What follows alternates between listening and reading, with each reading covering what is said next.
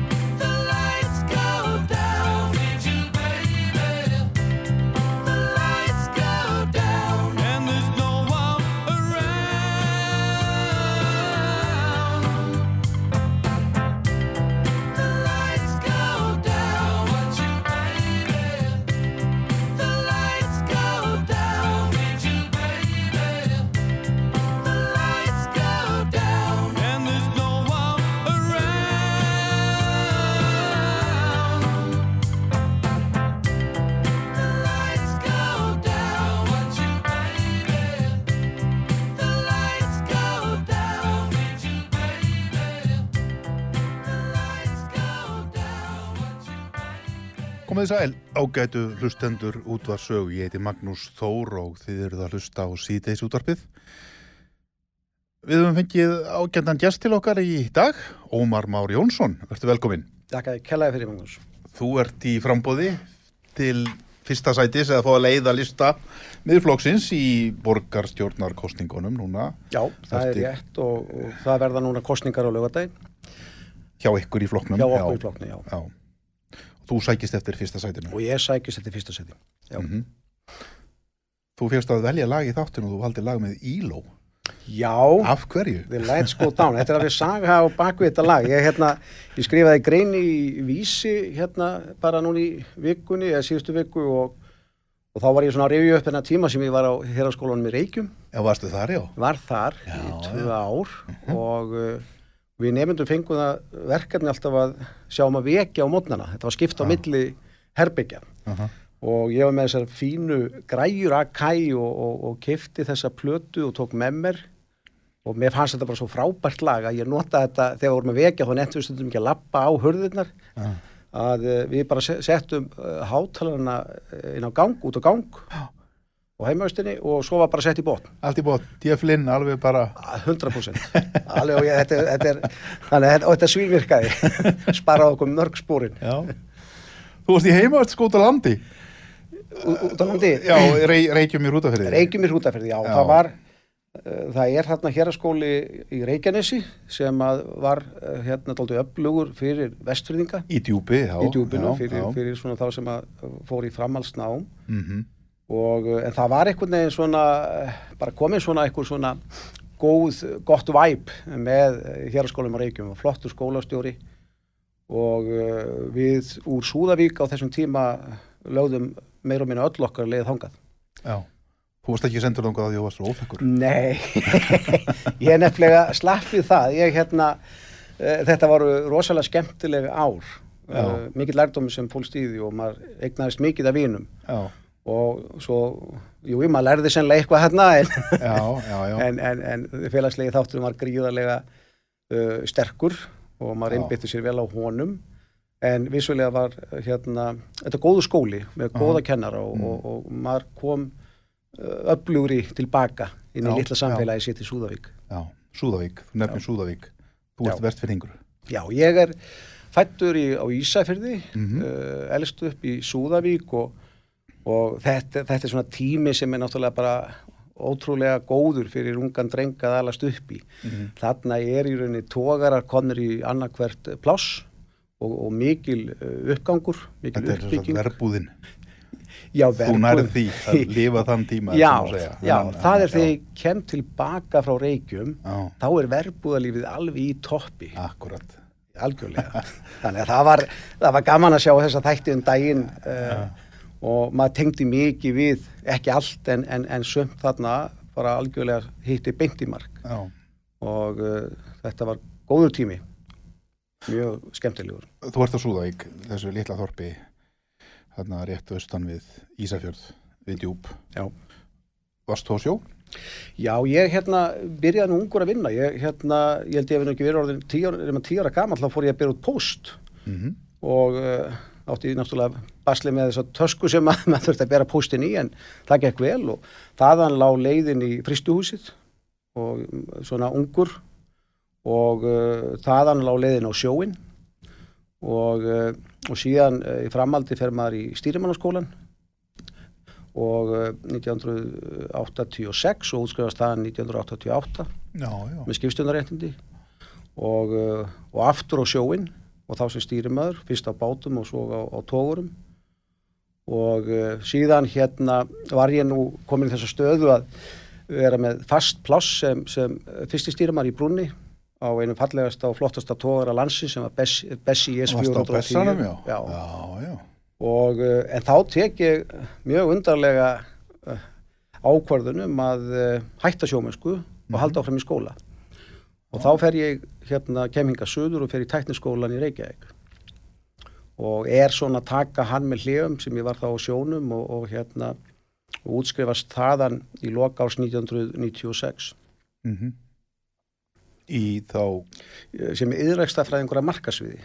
Já, já og hérna og, já, og þá í rauninni sko er ég valla búinn að fá útskrift eða sko búið með útskriftina þá hérna er hringt í mig og, uh, og spurt sig hvort, spurt af þeim sem ég var að vinna lokaverkefni fyrir hvort ég væri tilbúin til að fara með honum í ferðalag að stopna fyrirtæki í Portugal sem var í skóvesmiða eða stopna fyrirtæki hérna í Reykjavík sem myndi sérhæfa sér í vörukynningum.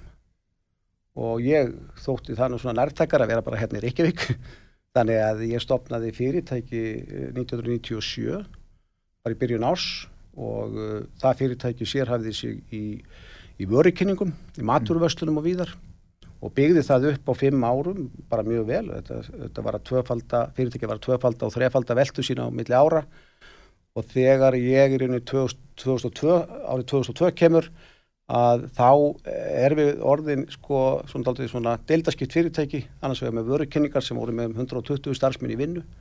Við vorum með eh, áfyllingar í maturverslunum fyrir fyrirtæki og síðan vorum við fann að bjóða upp á þjónustu með síningakerfi við svona stórsíningar í lögatarsvöld og víðar. Já, já.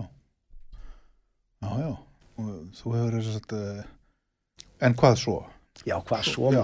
Þá, uh, ég, hef nú alltaf verið svona hrifin af nýjum áskorunum Já, og þarna uh, árinu 2002 þá sé ég auglýsingu þar sem er auglýsettir sveitarstjóra í Súðækurheppi já, og, uh, og ég var svona, ég var komin á okkur stað með fækinningum, ég fannst þetta bara uh, gekk vel og var vaksandi og, og, en fann það, ég þurfti daldi að fá nýjar áskoranir.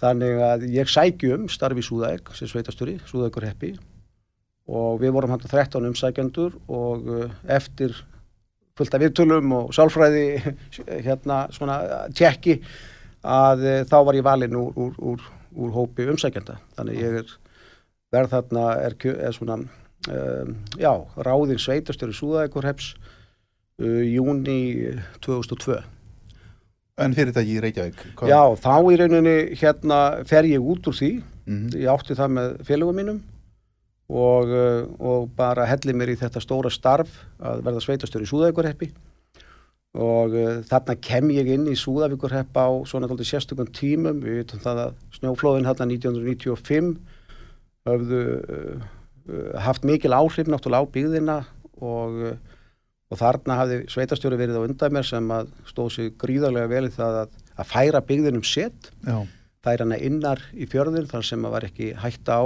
slíkum ósköpum sem þessi snjóflóð gerðu. Og uh, ég fann að það var svona flutningun var að mestu lokið en þarna vantaði átak með svona áherslu á atvinnu, lífið og ferðamennsku og bara svona og líka peppa aldrei upp samfélagi bara eftir það sem hafði gerst. Já, og þannig að ég heldi mér í það og, og þar er ég í þrjú kjörtjöfambil, fyrst er ég náttúrulega bara ráðinn fyrstu kjörtjöfambilið og uh, mér fannst enga veginn ég væri búin að ljúka mér af eftir fjögur ár þannig að ég býð fram lista og er þá kjörinn í meilhuta og, og er þá bara sveitastjóri áfram. Já, og þriðja kjörtjöfambilið aftur og þá býð ég fram og, og fæ uh, meilhuta til að verða bara áfram sveitastjóri uh þannig ég er þarna í heil 12 ár. En svo fann ég það á þegar ég svona þriðja kjörtíðanbílinn var ljúka að þetta verði komið gott. Nú er ég að fara að gera eitthvað annað. Og, uh, og þá í sjálfvegs er uh, tök við ákvörðun við fjölskyldanum að flytja eftir til Reykjavíkur. Og, uh, og ég heldi mér út í rauninni slefti svona bara tökunum af, af svona af stjórnsýslu eða svona, já, pólitík og uh, fór í rauninni bara í uh, rekstur sem að ég hef verið að byggja upp eila frá þeim tíma. Þannig ég er eiginlega búin að vera í pólitísku hliði núna í, í sjö ár. En stoltur með þess við þessi ára á Súðavík, hvað hérna, uh, varstu þá mikið í, já þú segir þú varst sveitastjóri og síðan ertu þannig að leiði lista tvisar sinnum, þannig að þú nú farið í kostningabartu áður. Mhm. Uh, en, en hvað hérna, já í hverju þessi uppbygging sem þú nefndir þann, hvað, hvað var það engum? Ég í sjálfu sér sko, það er nú oft svona út á landi að þá er þetta eitt stór vinnustaf sem heldur upp í 70, 80, 90% öllu Já, stöðum einmitt. og mér þótti það veikleikamerki Uh vegna þess að uh, þarna var fyrirtæki sem var í, í rækju. -huh. og uh, ég vissi það að rækju veiðar höfðu svona bara gegnum tíðina verið svona upp og niður. Já, það, það, það gefur vel af sér þegar að, þegar að það uh, er rækja sem hægt er að veiða en síðan getur það bara verið ekkert þessu milli. Uh og uh, þannig ég einhendi mér út í það að, að svona að búa til fjölbreyttra aturlíf og uh, fór mjög óheðbunda leiðir. Ég hef alltaf verið tilbúin til að hugsa þess út fyrir kassan og það gerði ég svo sannarlega þarna. Og var með góðar sveitar stjórnir sem að stuttu við baki á mér.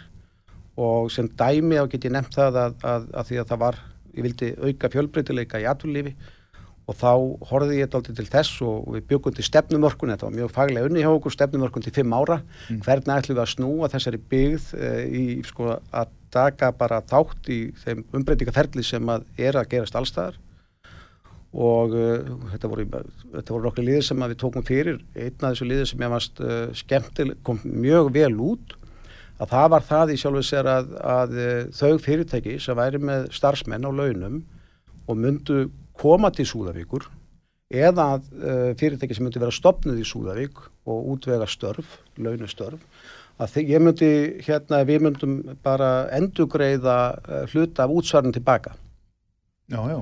og uh, þetta svona var nú nýnæmi og en þetta vakti mikla aðtegli og það var þarna á tímabilið við náum þessu þarna förum á stað með þetta 2005 og þegar að svona uh, hrunið kemur að þá erum við þarna með uh, starfsmenn sem eru að vinna í teknikirun ég let byggja atvinnuhúsnæði 2-500 fermetra atvinnuhúsnæði ég vantaði atvinnuhúsnæði, náttúrulega fórsendi fyrir því að setja komið fyrirtæki og það var ekki til því ég kom þannig að ég einhendi mér það að, að láta byggja tvö atvinnuhúsnæði mjög stóra mikil uh, og svona gætt uh, henda fyrir ímiskona starfsemi bæði einhverja tölvukalla sem voru bara í nettengingu en líka yðnað og uh, þarna rétt fyrir hrauna þá voru við komið með uh, þrjá starfsmenn bara sem er að vinna fyrir fyrirtæki Reykjavík.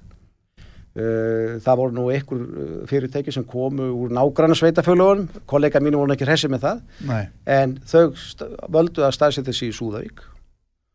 Og uh, svona, já, nokkur fyrirtæki. Þannig að og það voru fleiri rekstræningar sem komuð þarna upp á þessum tíma og þannig að uh, það fjölgaði störfum uh, verulega á þessu tímanbili og það sem betur fer vegna þess að síðan verður rækjubrestur olíuverð hækkar, markaðir verða erfiðir Já. samkeppni við rækju frá Grænlandi uh, ríkistyrt Mm. þannig að uh, það í rauninni á þessum árum þarna, eða rétt fyrir hrun þá, þá í rauninni falla þessar rækjuversmiður um all land Já. en það sem að, að því maður var búin að undirbúa þetta það vel að þá var þetta ekki eins mikið högg eins og þetta annars hefði verið þarna voru komið störfi í staðin Mm Og þú ferð þá frá Súðavík hvað, 2012 eða hvað? ég, já, ég kem aftur, nei, 2014 2014? Já, Þú ert hann í hruninu mikla, ég er, í, 2008? já, ég er í hruninu mikla og uh, það var lærdómsferðilega að fara í gegnum þann pakka En var það ekki þannig á þessum litlu stöðum út á landi að þeir eru lítið varðið í hruninu? Eða er það, er það mýta? Er það einhverju góðsögn? Má, Málið er það, mér eru alltaf fundist þetta að vera svona bylgju áhrif Já, Það er að já. segja ef eitthvað gerist í bandaríkjónum Já. sem er slæmt fyrir efnahagslífið þá tekur á en tíma að, að smitast inn hérna inn í Evrópu Já. og uh, maður er að sjá þetta aftur og aftur Ég segi alltaf að ef bandaríkjum var kvefa þá fáum við flensu. þá fá við flensu og, og sama gerðist í hruninu. Já. það er að sko höggi kom á höfðborgarsvæði fyrst Já, en það fór að dreifast síðan út á landsbyðina síðar. Já, þannig að þetta eru svona bylgju áhrif og, uh, og vissulega náttúrulega voru fyrirtæki á vestjörðum eins og annars staðar búin að uh, skuldsetja sig með erlendur lántökum. Já, og uh, það náttúrulega kom mjög mikið í bakið á mjög mörgum og Já. eins og við þekkjum. Já, og síðan ég nefnt, get ég nefnt meira sko, ég veit að það vantaði svo þegar það fór að koma að fyrirtæki og skapa störf og þá vantaði húsnæði, íbúðarhúsnæði. Aha, og uh, við vissulega byggum við þann, þá stöðu að það var hérna svona markaðsbrestur, það var dýrar að byggja, ef þú byggðir og ætlar að selja þá var ákveðin fórnarkostnaður því að þú férst minna verð heldur en að það kostaði að byggja. Já, og þá í rauninni fór, þá daldur mættu við því með því að með því að uh, vera með lóðirnar fríar.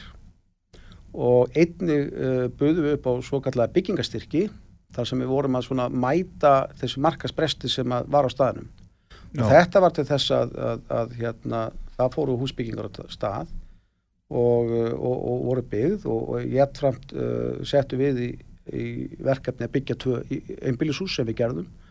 Öllum að setja þau inn í legumarkar en þau voru seld áður en við vorum búin að klára þau. Já, já, þannig og bara sem dæmi þegar við byggðum yðngarðana sem við köllum á, á, í Súðaeg að þá ógs svona uh, tiltrúin á samfélagið. Já, og það voru verktakar á staðinu sem að uh, bara tóku af skarið og, og byggðu annað atvinnuhúsnæði, stórt og mikið fyrir ykkur að fjórar eða fimm uh, verktaka sem þurftu á húsnæði að halda. Nú er það oft trót á landi að menn mæla velgengni sveitafélaga í því í hérna íbúafjöldanum. Já. Fjölgaði hjá okkur meðan þú varst? Já, það fjölgaði. Það fjölgaði grunnskó, í grunnskólanum, það fjölgaði í leikskólanum, en vissulega hafa þessar byggðir uh, víða um land verið aldrei svona kernast úr þeim, Mm. uh, bæði uh, störfin og líka bara íbúafjöldum í, uh, fækkað. Og ég horfði mikið sko þegar ég var svona að bera mig saman þá fannst mér gott að bera mig saman við hvað Evrópusambandi var að gera. Gagvart svona viðkvæmi svæðum í Já. Evrópu. Mm og einnig horfði ég til Norex sem að hefur verið aldrei svona tilbúið til þess að fara út fyrir kassan já. því að þeir búa við nákvæmlega sem skilirði og við hér á Íslandi að þeir eru með mjög viðkvæmar byggðir norðarlega í Noregi. Mm og þeir voru bara með ákveðna byggða aðgerða pakka já, já, mikil ósköp. og alveg sama hátt á Evrópusambandi og ég horfði aldrei til þess að, að, að, að, að fara þá leið að, að, að fara út fyrir kassan og gera Já. eitthvað sem að e, hefur ekki verið gert áður Já. vegna þess að við verðum Eins og þetta sem þú varst að lýsa, Já, sem minnir einmitt að því hún nefnir Noreg, að, hérna, ég þekki aðeins til þar að þær aðgerði minna einmitt svo lítið á það sem norðmenn hafa verið að gera. Já. Þeir telja mjög mikilvægt að það séu eins og þeir segja það sjálfir að það sé ljós í húsunum með fram ströndinni. algjörlega Þeir telja þessi mikilvægt fyrir þjóðina og líka bara, bara mikilvægt, þeir segja líka sko að, að, að, að ef það býr enginn hérna þá kemur einhver og þeir landið frá okkur. Það er nefnilega málið og þetta er náttúrulega mikil verðmæti sem felast í þarna til dæmis eins og í Nóri og ég horfði til dæmis á í Nóri að e, þeir horfðu þess að, að sko mentastíið hafði lækkað norðarlega, Mm. íbúum hafði fækkað og, og störfum hafði fækkað. Og hvernig brúðust við því að e, náttúrulega þeir sem eru að koma út úr skóla eru oftast með námslán á bækinu og þeir veittu þeim bara ákveðin afslátt ef þeir fluttu á svæði sem þeir skilgrendu sem viðkvæmar eða Já, brotandi nýstu fylkin Finnmörk og Norður Troms, það var alveg þannig þegar ég var hérna sko. Já, þannig að þá, varstu, þá var, svona, var til flutningur af uh, mentuðu fólki inn á þessi svæði og Mhm. með mentuðu fólki eru meiri líkur á því að það verði til störf. Kom ungt fólk og þá gerðan með börn og annað og þetta styrti náttúrulega inn við hérna Já, Já, þannig og það er það sem gerist í okkur í bara það var það sem hjá ykkur í Súðak Já, einmitt. það fjölgaði bæði í grunnskóla og leikskóla og, og það fjölgaði í búum uh, á sama tíma. Já. Já, einmitt og máli er það að það sem mér hefur fundist nefnilega alltaf svona aðtiklisvert ef við horfum á íslenska samfélagi við erum lítið leia hér til dæmis í Reykjavík búa bara 140.000 manns eða tæplega Já.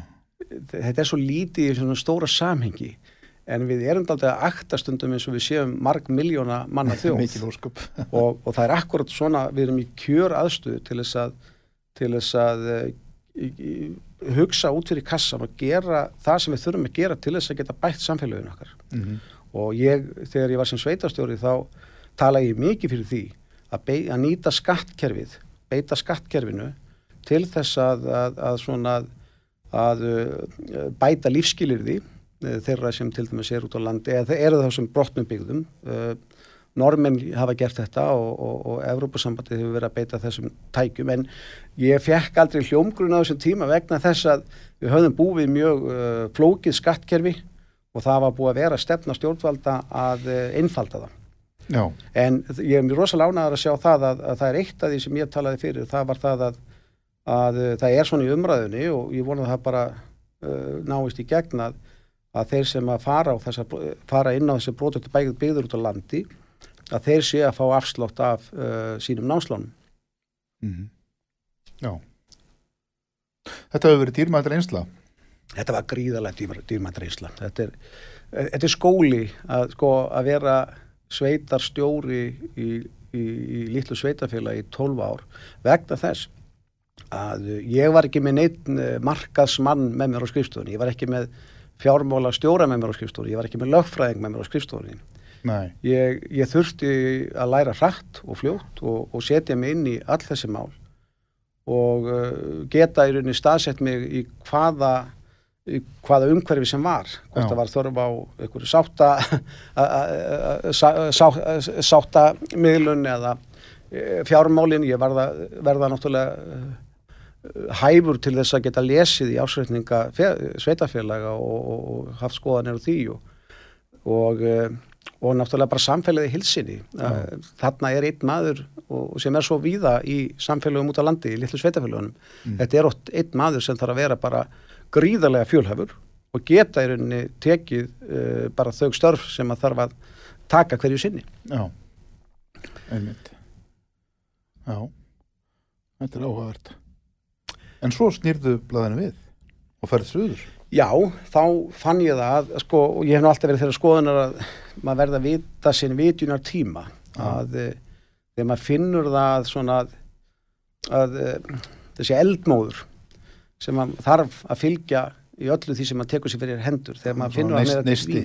neisti. Já, neisti til þess að eh, láta gott að sér leiða ná Já. árangri. Já, þegar ég fann að hann var aðeins fann að dvína þá hugsaði með mér að þetta komið gott mm. og uh, ég kem hérna til Reykjavíkur og, og hérna og í dag er ég uh, tengdur einhverjum fjórum uh, engalhutafélögum sem að ég hef svona verið að, að vinna með með góðum félögum.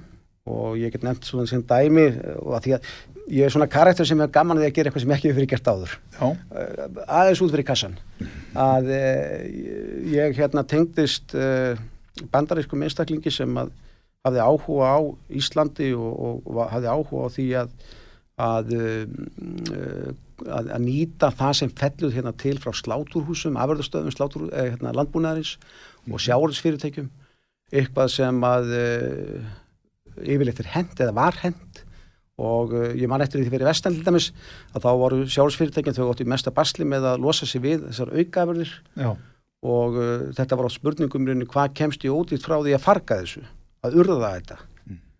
en uh, þessi bandarækjumæður sjá þarna leik á borði átti hugmyndina því að, að nýta það sem er að falla til hjá íslensku fyrirtækjum og búa til hundasnakk úr því. Já, já, já, og uh, ég, þetta er eitt af verkefnum sem ég tók að mér þegar ég kem úr Súðavík og, og, og bara set mig í það og bara fannst þetta frábærleg, frábær hugmynd og uh, var í sjálfu sér sko svona frangatastjóri uh, svona Íslands deildarinnar uh, fyrirtækið er hérna staðsitt í Bandaríkjón og heitir Icelandic Plus. Og uh, þar var mín vinna við að, uh, að para saman fyrirtæki, íslensk fyrirtæki sem að gátu framleitt vörur uh, fyrir þetta vörumerki.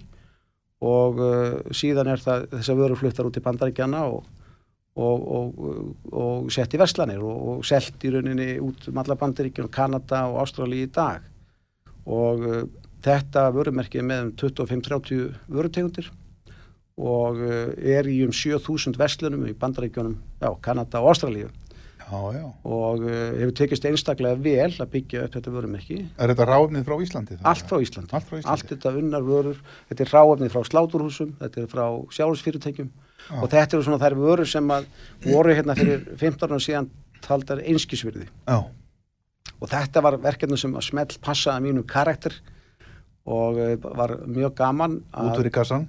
út fyrir kassan og, og ég hérna en svo og svo í rauninni uh, svona uh, fer ég út úr því verkefni í, í eh, byrjun ást 2001 og vegna þess að þá var komin svona bara stöðulíki í þetta. Þá voru komin flottir framleiðendur uh, sem að höfðu í rauninni það sem til þurfti til þess að geta stækka með fyrirtækinu. Og uh, en ég svona, já, þannig að og meðal annars er, er, er ég að selja þess að vöru hérna á Íslandi í, í, hérna einhverjum 25 verslunum. Þetta er 2001. Já, þetta, þetta verkefni fer ég í sjálfur sér því ég kem frá Súðavík eh, 2015 til t- 2021 2021, já, Já. 2021. Já. já einmitt. þannig ég er í þessi sex ára að byggja þetta upp með þeim, sko. einmitt. og hérna, já Og svo eru verið í fleiri líka. Já, síðan er ég í hérna, með fyrirtæki sem er í viðbröðahaldi uh, við erum að skipuleggja okkar eigin uh, síningar, vöru og þjónustu síningar sem við höldum í lögatarsvöllinu, í hörpunni og, og uh, fyrirtæki hefur verið með ráðstefnur, þetta var mjög fyrirferða mikið fyrirtæki á þessu viðbröðamarkaði náttúrulega fyrir COVID Já. svo náttúrulega fór allt á hold en við, við varum að taka þetta sami ég held að við höfum haldið 16 viðburði svona stóra viðburði uh, frá því fórum að stað 2015 Mm. og fram að COVID og þetta voru uh, tónleikar, við vorum að flytja hérna flottar hljómsveitir uh, og já, og okkar eigin viðburðir, það er að Já. segja síningar og, og hérna og ráðstefnur. Einmitt, einmitt, já. Já, akkurat. Tímiliður rætt, við þurfum að taka auglýsingalíða. Ok, glæsilegt. Góður hlustur, ég heiti Magnús Stór, þegar að hlusta á síðis útvarpið hjá okkur er eh, Ómar Már Jónsson sem er að sækjast eftir að leiða lista miðflokksins í borgarstjórnarkostningunum.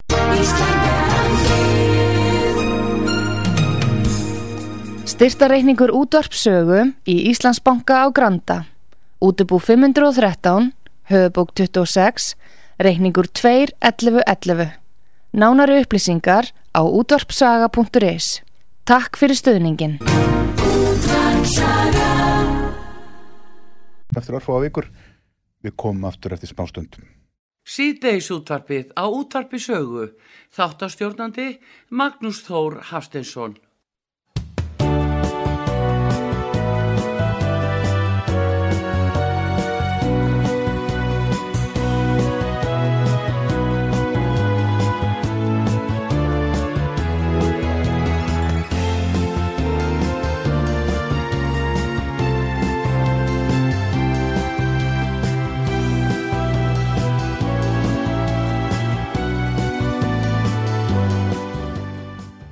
Komiði sælættur, ég heiti Magnús Stór, þeir eru að hlusta á síðdeis útvarpið á útvarpi sög og hjá okkur er Ómar Már Jónsson. Margir kannast kannski við hann frá því hann var sveitastjóri í Súðavík fyrir vestan en hann er búin að vera búsettur hér á höfuborgarsvæðinu e, nú í tón okkur ár, eða í tíu ár. Já, ég hérna uh, 2014. 2014, átt ár. Átt ár. Já, já. Og verið þér í fyrirtækjarekstri og, og nýsköpun og, og hérna, en núna ertu aftur komin í pólitík. Já. Af hverju? Þetta er góð spurning. Ég get sko svaraði með þeim hætti að uh, ef maður hefur gert eitthvað í fortíðinni og það er svona fyrringur í maganum á manni þá, þá er hann bara þar og það eru tveir þættir sem ég hef gert um æfina sem að hefur alltaf verið svona fyrringur í mér með það er annars vegar sko strandveðar ég átti lítið útgerðarfyrirtæki þegar ég var í Súðavík og gerði út strandveðibát Mm. og, og þau notaði tíman í sumafríjónum til þess að róa. Og síðan er það pólitíkin. Þannig að þessi, þetta er svona fyrringur út af þessum tveimur þáttum sem alltaf verið í mér.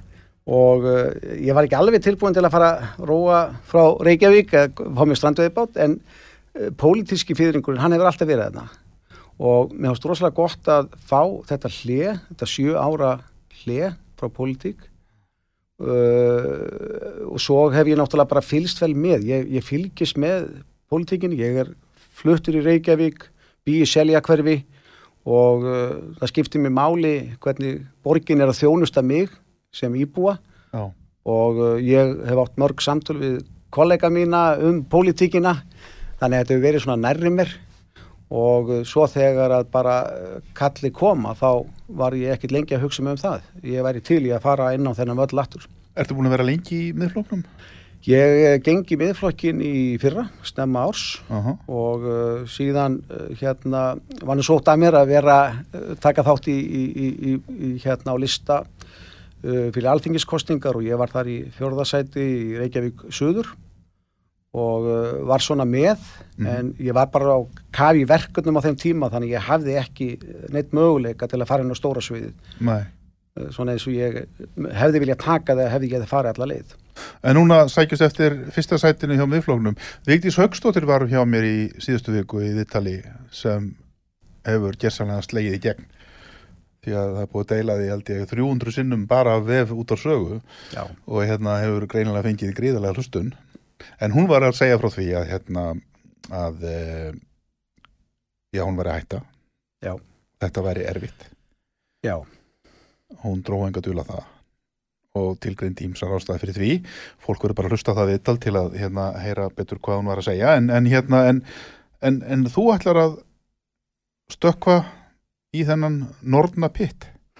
Já, ég ætla ekki að gera það og ég er tilbúin til þess. Er tilbúin til þess? Já, ég hef fylgst með Vigdísi lengi og, og mér finnst hún hafa uh, verið aldrei einn í þessu minnlutastarfi. Hún hefur verið mjög duglega við að benda á það sem að betur má, hefur mátt fara Mm og uh, en hún hefur tekið þessa ákvörðunum að hverfa þessu sviði í bíli allavega og, uh, og ég hérna bara hef tekið ákvörðunum það náttúrulega að, að vera í fyrsta sæti og er óskætt í stuðningi til þess á laugadaginn -hmm. og uh, er tilbúin í rauninni bara til að hella mér út í þessa baráttu 100%. Þú ert gamall sveitastjórnar maður, svona sirkushestur eins og þú varst að lýsa á þann og finnur líktin á sæginu og færi þiðring og hérna ert komin í datur. Þú lítur að hafa mikla skoðinir þá á borgarmálum, þú segist búa í Seljakörfi og búin að vera hér í nokkur ár. Hvað er svona það sem brennur helst á þér? Já, hvað er að byrja? Það Sko? er að nóg að taka. Já, það er sko nóg að taka. Ég Máli er það að það fyrsta sem maður gerir þegar maður er að skoða svona stöðu sveitafélags, Reykjavíkuborgar í þessu sambandi, þá er náttúrulega þegar maður renni getum ásveitningana og uh, auðvitað hefur maður náttúrulega heyrt umræðuna og, og, og tónin varðandi sko hvert er Reykjavíkuborgar stefna fjárhastlega og mín spurning hefur eiginlega verið sko er, er Reykjavíkuborg uh, sjálfbær fjárhastlega og, uh, og við að fara ofan í kannski að skoða það að þá er maður með ákveðin ugg bara yfir hvernig þróun hefur verið undan færið nár og ég nefnið sem dæmi að uh, í uppæfi síðasta eða þessa kjörtjempil sem er nú enda þá skuldaði borgin uh, langtíma skuldbindika voru einhverjan 299 miljardar það stefni núna að það verði 423 miljardar í lok þessa kjörtjempils og, uh, og í þessu sambandi langar með að segja það að, að eftir hrun þá kom við ljósa mjög mörg sveitafjölu voru skuldsett, búin að vera að taka ellend lán mm -hmm. og það var ekkert eftirliskerfi, það var ekki stóri bróður að kíkja yfir og, og sjá hvert að vera alltaf lægi hér sko. Mm -hmm. að, að sjálfsögðu vilja all sveitafjölu standa sér vel og, og stækka og blómstra og veri í fjárfestingum og gera alls konar en eh, ef það er svona ekkert eftirliskerfi þá er hægt við því að það fari illa og uh, það síndi sig uh, bara eftir bankarhunnið að, að mörg sveitafjölu voru orðin ítla skuldsett út af erlendu lántökum og verkefnum sem þau farið í sem þau höfðu kannski ekki bólmakt til að fara í Já. og í framaldi er gerður uh, hérna eru bara samþitt lög á alþingi þar sem að í rauninni sveitafjölum er óheimilt að fara fram yfir 150% eða sko að skuldbindinga þessi Eh, ekki, verði ekki meira heldur en 150% af, af, af reglulegum tekjum mm -hmm. og þetta var svona fyrsta svona bara sem ég skoðaði hjá Reykjavíkuborg og, og ég get ekki sé betur en að það sé komið vel yfir 200% Já. skuldsetningin, langtíma skuldbindingar mm -hmm. og það er bara, það er viðvörunumerki og af hverju það er gerst ég hef ekki hugmynd um það og ég veit að við getum ekki breytt því sem, að, sem, er, sem er í fortíðinni En sér þú fyrir þá hvernig var hægt að ná þessu niður? Já, ég sko, mér finnst þetta bara forsenda alls.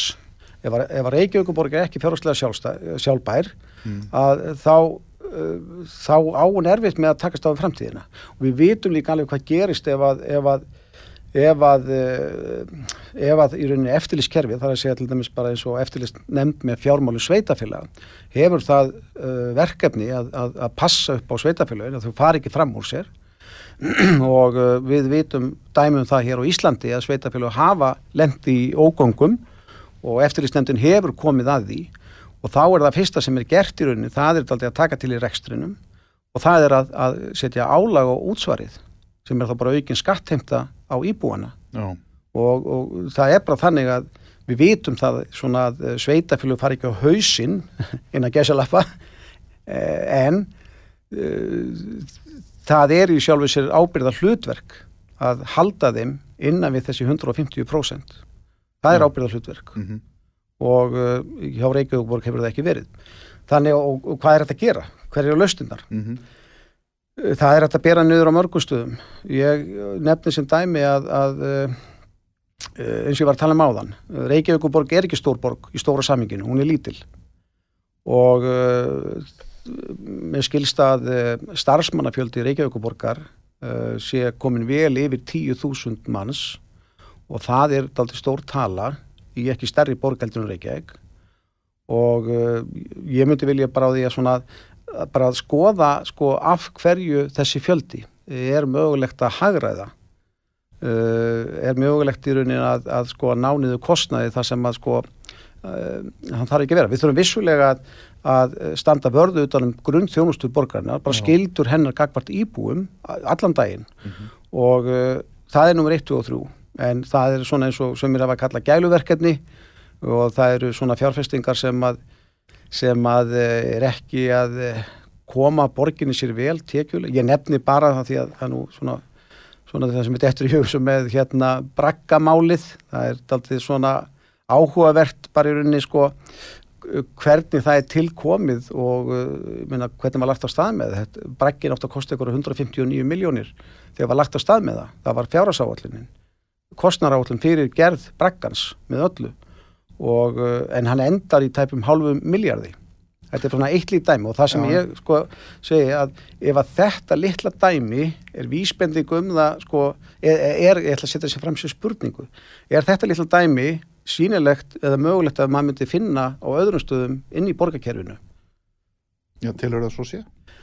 já, ég tel að sjó sé ég, En þannig er þetta að tala um, að, að tala um hagræðingu og svona, hvað ég má segja, skýra burt fytu ef svo má segja. já, en að auka tekjurnar. Þe- Þetta er aldrei snúið mál vegna þess að sko, það er eiginlega hægt að taka þessu umræðu nema að, skoða fasteinnamarkaðin á sama tíma Einmitt. og uh, við höfum séð hérna gengdarlausar hækkanir á, á, á, á fasteinnaverði Mm og, uh, og það er mikið áhyggjuefni þetta er, ég held að, við, finnum hvergi sama burðar borg sem að Það er kannski áhyggjöfni, já, fyrir þá sem eru að kaupa fastegnir, eða svo má segja, og sem eru að skuldsetja sig, en hækkandi fastegnaverð því þá vantar líka hækkandi fastegnamat og hækkandi fastegnagjöld, akkurat, tekjur fyrir borgina. akkurat Hvað með annað eins og til dæmis það sem hefur nú verið rætt hér og virðist vera svona mörgum ofalegi huga þetta með lóðaskort og jáfnvel það að borgin sé að missa frá sér fullt af fólki inn í nágranna sveitafélögin það er að segja ungt fólk sem er að koma sér fyrir að það er að setja stað upp á Akarnesi fyrir austan fjall út á Reykjanesi. Já. og jafnvel víðar það er svona innan gæsarlappa að flýja borgina eða hvað? Þetta er alveg horrið hjá, þú heitir naglan á höfuði og málið er að þetta er sjálfskapaðu vandi, þetta er heima tilbúið vandi. Og það sem ég hef áhyggjur af er það að Reykjavíkuborg er orðið háð núverandi þróun á fastindamarkaði Akkurat. Alveg eins og þú nefndir áðan að, já, já. að, að, að verð hækkar, fastindamatt hækkar uh, við erum ekki að sjá að álætning uh, hérna fastindagjöld sé að, að, að breytast, það er bara haldið eins og það er þetta verður til þessa náttúrulega að, að tekjustreifin til borgarnar í formi skatts á íbúana er meira heldur en að góðu hófi gegnir. Og uh, þannig að það sem ég hef áhyggjur af í sjálfu sér er sko að Reykjavíkuborg sé fann að nærast á þessu. Hún verður, að, hún verður að horfa á þessa þróun áfram til að hún eigi séns. Og við horfum til dæmis á síðustu fjögur ár eins og var nefna á 25 miljardar, miljardar króna aukning á skuldum á, á hverju ári það bara gengur ekki. Þá er hún fann að þrýfast á bólunni hún er fann að segja. þrýfast á bólinni og, og hérna en það væri kannski heilbriðara eða hvað að opna frekar á aukið byggingaland með ódýrum lóðum, lægri byggingakostnaði sem myndi þó kannski því að læra fastegna verð en á móti kæmi að þú heldir íbúanum og 100% íbúar eru náttúrulega útsvarskreiðendur algjörlega, algjörlega. Málið er það uppi, já, Já, eh, alveg hárétt hjá þér og málið er það sko að það við eigum, Reykjavíkuborg er þeirri skemmtilegu stöðu að eiga nóga landi. En vant er ekki Já, nei, byggingaland nei. og uh, ég fekk eitt til að skoða þetta fyrir mig og mér skilst að það sem 17.500 hektarar af óbyggðu landi uh, sem er þá undir sem eiginlega má ekki nota vegna þess að menn hafa verið með þessa segja. Já, þéttingastefnan hefur verið alltaf ríkjandi og og ég held að sé enginn á móti þéttingastefnunni. En það sem hefur skort í rauninni svona í framtíðar sín borgarnar, það er það að byggja á, á skona, í öðrum Reykjavíkur. Við erum með Kjeldnalandi, við erum með Úlfarsásdal, uh, flott byggingasvæði sem að í rauninni er hægt að, og það, til þess að ráða bóta þessu, þá þarf í rauninni bara að drífa það í gang að þarna er verið byggt, bara í Keldnalandi held ég að séu pláss fyrir 15.000 manns. Og uh, það sem ég, já, það- ég kláraði sem ég var að segja á hann að vi- við eigum að minnstakosti 8.500 hektar af landi, óbyggðu landi sem við getum, sem Reykjavíkuborg getur byggt á. Svo hefum við Gjaldinganesið, við hefum Kjalanesið Já. uh, Ég hef nú nefnt áður og spyr þig núna uh, hvaða skoðun hefur þú á til dæmis já, sundabraut? Mér finnst sundabraut gríðarlega spennandi valkostur. Já, því að það opnar upp á kjalanis og það Já. stýttir eða, eða, eða svona það eigur fjölbreytileika borgarinnar og uh, og ég held að svona opna Gjaldingalesi líka. Að 100% þannig að ég 100% fylgjandi því að uh, sundabraut verði bara flýtt eins og kostur er. Vegna þess að það eigur uh, hérna möguleika okkar á að vaksa á eðlilegan hátt. Vegna þess að það sem það þarf að gera, það er að byggja meira, það þarf að ná jættvægi á fastnemarkaðinum, það er ekkert jættvægi í dag. Korki á, á sko, ef þú ert að fara að kaupa þér íbúð eða þú ert að fara að leia og þetta er akkurat sko unga fólkið sem við hefum að vera að hugsa um sem að mun taka við af okkur. Það þarf að komast í uh, húsnæði á sangjörnum á sangjörnan hátt. Og það er bara ekki staðin í dag. Og þess vegna erum við að missa frá okkur gríðarlega hæft fólk inn í nákvæmsveitafélagin og ekkert bara út af í rauninni hvernig staðin er á fastendamarkaðinum það er líka út af því að þjónusta borgarna gæti verið betri minga byggðlist á leikskóla. Mm -hmm. og, og ég, það er eitt sem að skipti líka miklu máli og ég hef verið mikill áhuga maður um það er unni sko fjölbreytileika í skólamálum. Já. við erum aldrei að reka hérna svona stór sko, stór, miðstýrða stóra hverfi skólastefnu þetta er langt og leiðilegt orð Já. en við erum alltaf að eh, byggja stóra skóla og allir eru þeir eins. Og það er allir með sölu skömmu skólastefnum síðan hefur við hort á svona eins og uh, frumkvöla sem að hafa virkilega svona sett svipsin á þetta mentakerfi og ég nefni þar Ísaksskóla og Hjallastefnuna. Það, sko, það var nú heldur betur bara átt að hjá eh, hérna, þeim aðila sem að setti það upp Magapála að, að byggja upp það kerfi. En mikið gríðarlega er það góð viðbót inn í það mentakerfi sem við höfum í dag. Mm -hmm. uh, við erum í dag 13 leik, leik og grunnskóla sem nota Hjallastefnuna að hluta eða í hilsinni og uh, það er ekkur það sem okkur vantar. Við erum svo, við erum svo sko við erum að verða alltaf svona, hvað maður að segja ég var að tala um á einfalt Ísland með allir eins og, og, og eigi og allt þetta við búum við þau hérna þar aðstæður að við erum að fá mikið til eitthvað nýbúum og það mun halda áfram. Við búum þar aðstæður og við erum, að, við erum átt okkur betur og því að það er mikill munur og milli hérna kynjana stráka og, og stelpna. Og uh, allir þessir hópar innan mentakerfisins hafa ólíkar þarfir. Mm -hmm. og við erum ekki, vil ég meina, með þessari uh, miðstjóðu skóra, stóra hverfi skóla stefnu að ná utanum alla þessa hópa og gera það vel. Og það sem ég vil ekki áherslu á það er í rauninni að að, að breyta þessum kultur í staðin fyrir að mentakerfi sé mér um minna rekið ofanfrá með bóðum og bönnum að þá séum við að vald ebla kennarana og nefnundnar á sama svipaðan hátt og eða sama hátt og hjallastefnin hefur útfært og, og breyta kerfinu innanfrá. Myndur þú þá vilja hafa fleiri og minni skóla eða? Já, fjölbreytari skóla. Já, þá getur þú bóðið fyrir fjölbreytari líka. Já, já, já. Og, og, og þannig að það verður aldrei skólar þar sem að þú ert í raunin að, að aldrei að svona sérhæfaði í eh, kannski öllu þessi fjölbreytileika að ná svona betur utan við, við höfum ekki verið að koma vel út úr písakonunum það er áhyggjuefni og uh, þar er samanbyrðu minni við 78 aðra þjóðir og það er eitthvað sem okkur ber skilda til þess að, að rýna í og greina mm -hmm. en við erum ekki að ná þeim árangur sem við ættum að ná Hvað með samgöngumálinn innan höfuborgarinnar? Þau verðast svona að vera mörgum ofalegi í huga. Já, það er það er heldur betur stór málaflokkur og verðaldi fyrirferðar mikið og skipsar okkur gríðarlega miklu máli uh, sundabröðinu sem við nefndum á hann ég, mm. ég er algjörlega fylgjandi henni mér finnst hún bara og ég finna að það líka allir sátt um það bara innan Reykjavíkur innan Íbúa Reykjavíkur að, að, að hún sé allir smart og skemmtileg mm.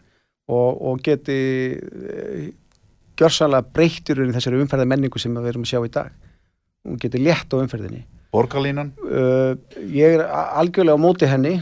Já. Ég held að hún sé ekki raunhæf. Hún er allt og dýr og ég myndi miklu frekar vilja fara þá leið að, að uh, hraðvagna leiðin það sem er kallað. Þetta er, þetta er kerfi, hérna gengur undir skamstunni BRT og þessi leið hefur verið mikið nótuð í bandaríkjónum og er alltaf svona að vinna sér í sessi hérna í Evrópu og þetta er eiginlega svona við pildi byrjum á þessu með stræðisvandarkerfið okkar uh, það er að vera með þessar hægri akreinar bara fyrir uh, vagnana jú, jú. Og, og svona þessi léttar í borgarlína byggir alltaf því að vera með að fjölga þeim brautum og, og það eru margir áhuga hópar hérna í Reykjavík sem eru alltaf að, að benda okkur á það að hún er hún er eh, hagkvæmari, hún er ódýrari, hún kostar ekki nema 15-20% af því sem að þungaborgarlínan kostar mm -hmm. og hún er að ná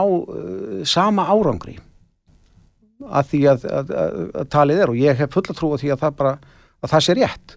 Og, uh, og þó ég hef verið að tala hérna um fjármálin áðan og ég vil, það er alltaf leiðilegt að vera leiðili gaurinn að það skiptir máli hvernig fjármálunum er stýrt, að skiptir máli hvernig svona hilbriði Reykjavíkuborgar er með fjármálin. Og þetta, þetta er bara svona svipað eins og maður fer í partí, það er rosalega gaman í partíinu en maður þarf líka að hugsa um hvernig líður mann í daginn eftir. Já. með líður píldi eins og við séum komin í partí og það er bara einhvern veginn allt á, á fullu og, uh, og þannig að ég held að borgarlína, ég held að, ég held að þurfa bara til að byggja því í rauninni sko hver er staða borgarna til að taka þátt í, í þessum ofurvöxnu verkefnum sem að eru á tekniborðinu og þá er ég til dæmis að tala um uh, hérna, að setja miklu brödu og fleiri uh, hérna götur í, í stokka og, og, og, og, sundabröti mun kosta sitt, það þarf alltaf forgangsraða.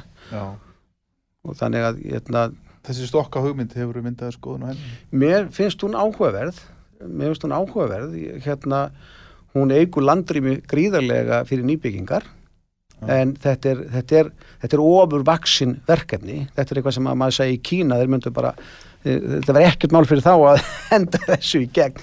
En fyrir okkur er þetta mjög stór, stóra framkvæmdir. Þetta mun taka langan tíma. Þetta mun verða- mikið raskað þessu og það þarf að ígrunda þetta mjög vel í rauninni hvort að við séum í rauninni stöðu til þess að að fara í þetta og hversu fljótt og hversu langan tíma þetta tekur. En vissulega er margt jákvætt í því. Reykjavíkur hlugvöllur. ég vil hafa hann hér. Ég er landsbyðamaður Já. ég er landsbyðamaður og hérna ég notaði Reykjavíkur hlugvöll mikið þegar ég var út á landi Já. og uh, þetta var svo gott að geta komið á mótni og fara eftir á kvöldi ef maður þurfti að taka fundi og, og geta treyst á þetta og vera komin í borgina bara fimm minnum eftir úr lendir. Mjög mikilvægt og, og upp á sjúkraflugi líka.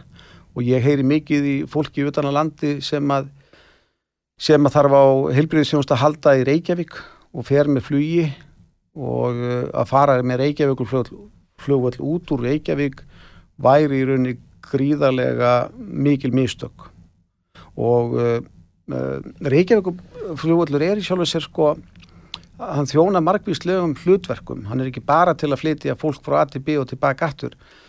Hann er líka notaði til kennslu. Það er gríðarlega mikið um, um, um litlar flugvila sem eru að uh, þar að lenda, eða taka loft og lenda og þannig að það er mikið um, um snertilendingar þar.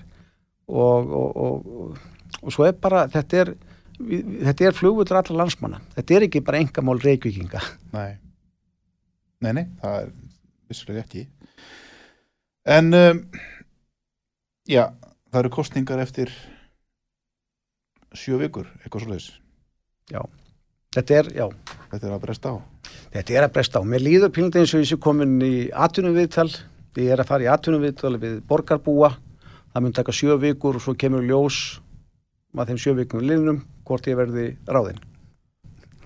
Fyrst það að vinna að finna fyrsta sætið. Já, og það tekur, það mun gerast á lögadaginn og ég treysti bara á það að, að ég hafi þann stuðning til að fara í gegnum það því að ég býð eftir því að komast inn á stóra völlin. Klæjar í puttana. Klæjar í puttana. Þannig að það. Ómar Már Jónsson. Tím okkar er á þróttum. Bara takk fyrir að taka á mótið mér. Takk fyrir komuna og hérna gaman að spjalla við þig og gangi er bara allt í hæginn. Takk að kjallaði fyrir það. Davíð Tæknumæður, takk fyrir hjálpina. Góði hlustundur, takk fyrir að hlusta. Ég heiti Magnús Þór. Verðið sæl.